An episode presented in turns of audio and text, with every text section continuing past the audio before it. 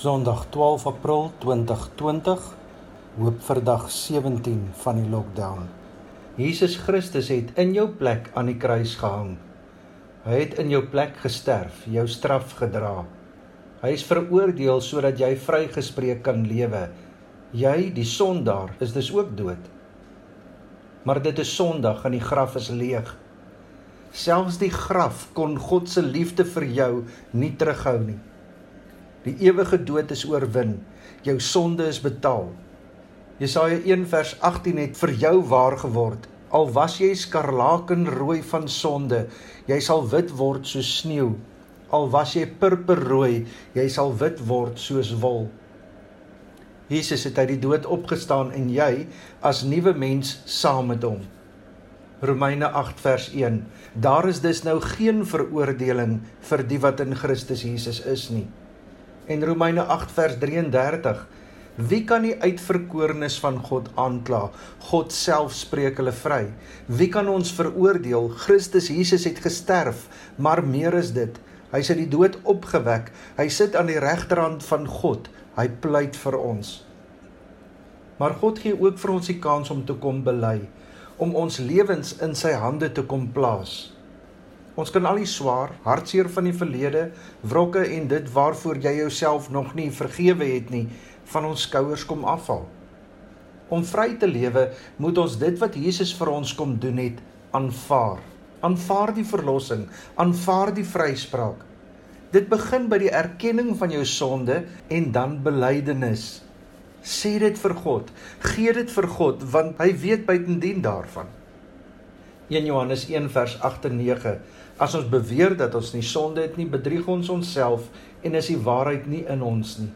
Maar as ons ons sondes bely, hy is getrou en regverdig. Hy vergewe ons ons sondes en reinig ons van alle ongeregtigheid.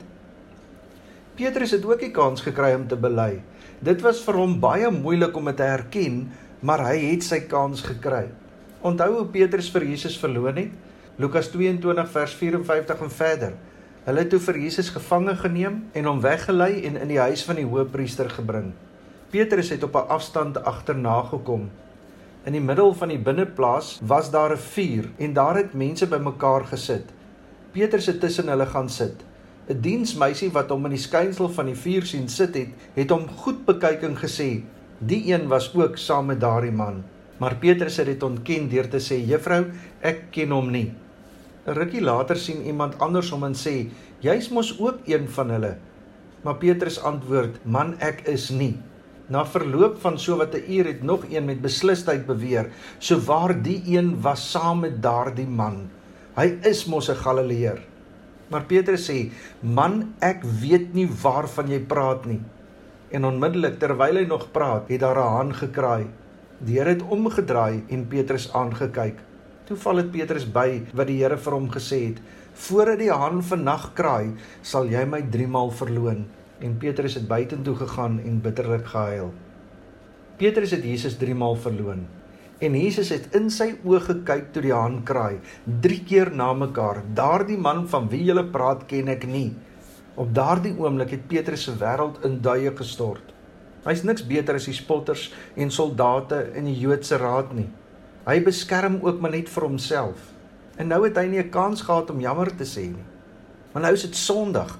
Hy weet die graf is leeg. Hy weet Jesus het opgestaan. Jesus het aan hulle verskyn. Hoe gaan hy dit nou hanteer? Hoe gaan hy vir Jesus in die oë kyk en sê dat hy jammer is? Hoe sal Jesus hom weer ooit kan glo en vertrou? Sy woord het niks beteken nie.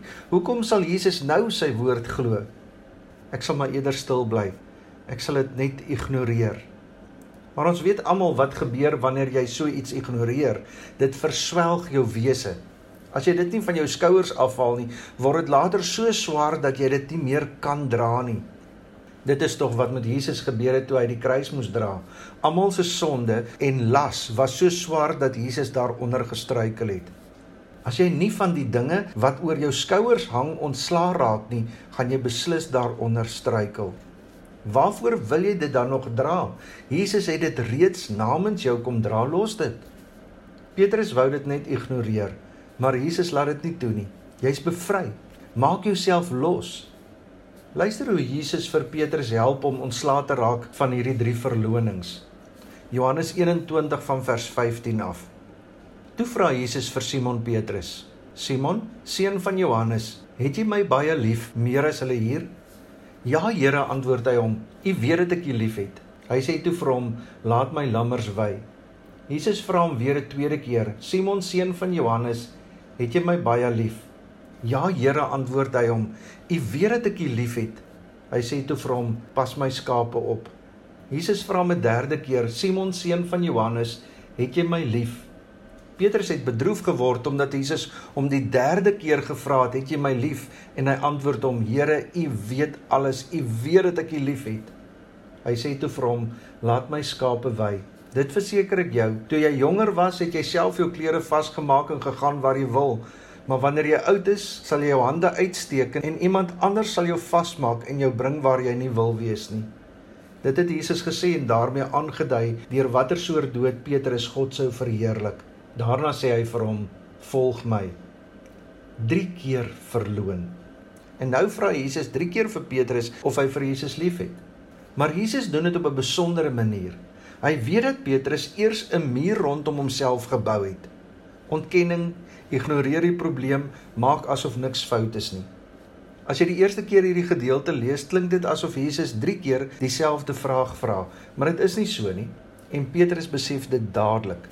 Die vraag se betekenis is elke keer meer intens. En dan breek Jesus Petrus se muur af. Hy dwing vir Petrus om sy masker af te haal. Hy dwing hom om sy hart oop te maak. Die eerste vraag: Het jy my baie lief meer as hulle hier? Onthou wat Petrus na die nagmaal gesê het: Al sou hulle ook almal van u afvallig word, ek sal nie. En al moet ek saam met u sterwe, ek sal u beslis nie verloon nie. Ek vra jou Simon, Petrus se ander naam, is jy nog so selfversekerd? Het jy my baie lief meer as hulle hier? Simon, nou is dit nie Petrus wat rots beteken nie. Onthou Jesus het ook vir hom gesê, Petrus op hierdie rots sal ek my kerk bou. Op die oomblik is die rots weg en praat Jesus met 'n breekbare Simon. Ek vermoed dat Petrus nie in Jesus se oë gekyk het toe hy sommer so terloops, so met 'n senuweeagtige laggie geantwoord het: "Ja, Here, U weet dat ek U liefhet." Luister mooi, hy self laat die stukkie weg van meer as hulle hier. Die rots is weg. Die breekbare Simon staan hier voor Jesus. Hy kon net sowel gesê het: "Here, U sien dwars deur my wese. Ek erken dat ek nie so sterk was soos ek self gedink het nie. My voete was klein." Gelukkig is hierdie vraag nou gevra en is dit geantwoord. Here, kom ons gaan nou net aan. Daardie haan kraai nog steeds in my ore. Maar Jesus los dit nie daar nie. Soms moet jy eers kniel voor jy kan opstaan. En dan vra Jesus die tweede vraag. Simon seun van Johannes, het jy my baie lief? Jesus los egter die gedeelte van meer as hulle hier nou weg. Ek dink dat Petrus koue rillings gekry het. Jesus sien deur hom. Hy sien sy worstelstryd, maar tog besluit hy om weer koel cool te speel en hy antwoord: "Ja Here, U weet dat ek U liefhet." Die rots is weg. Die breekbare Simon staan voor Jesus. Hy self laat die woord baie weg. Hy voel te skuldig om jammer te sê. Hy voel te skuldig om te erken. Hy voel te skuldig om Jesus weer in die oë te kyk, maar hy's tog eerlik. Hy los hy baie weg.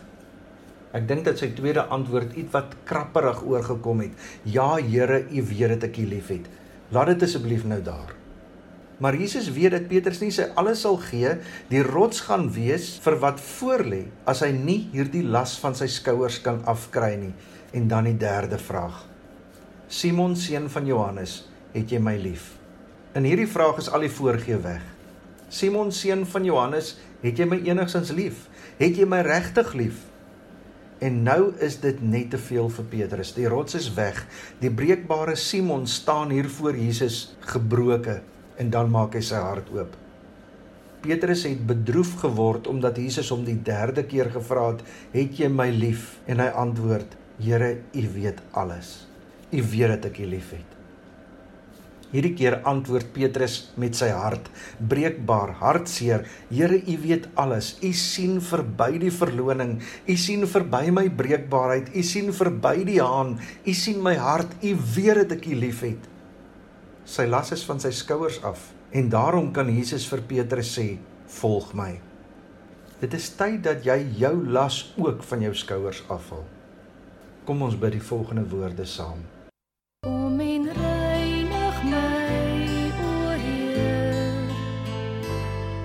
My sonde en skuld in die bloed van U seun.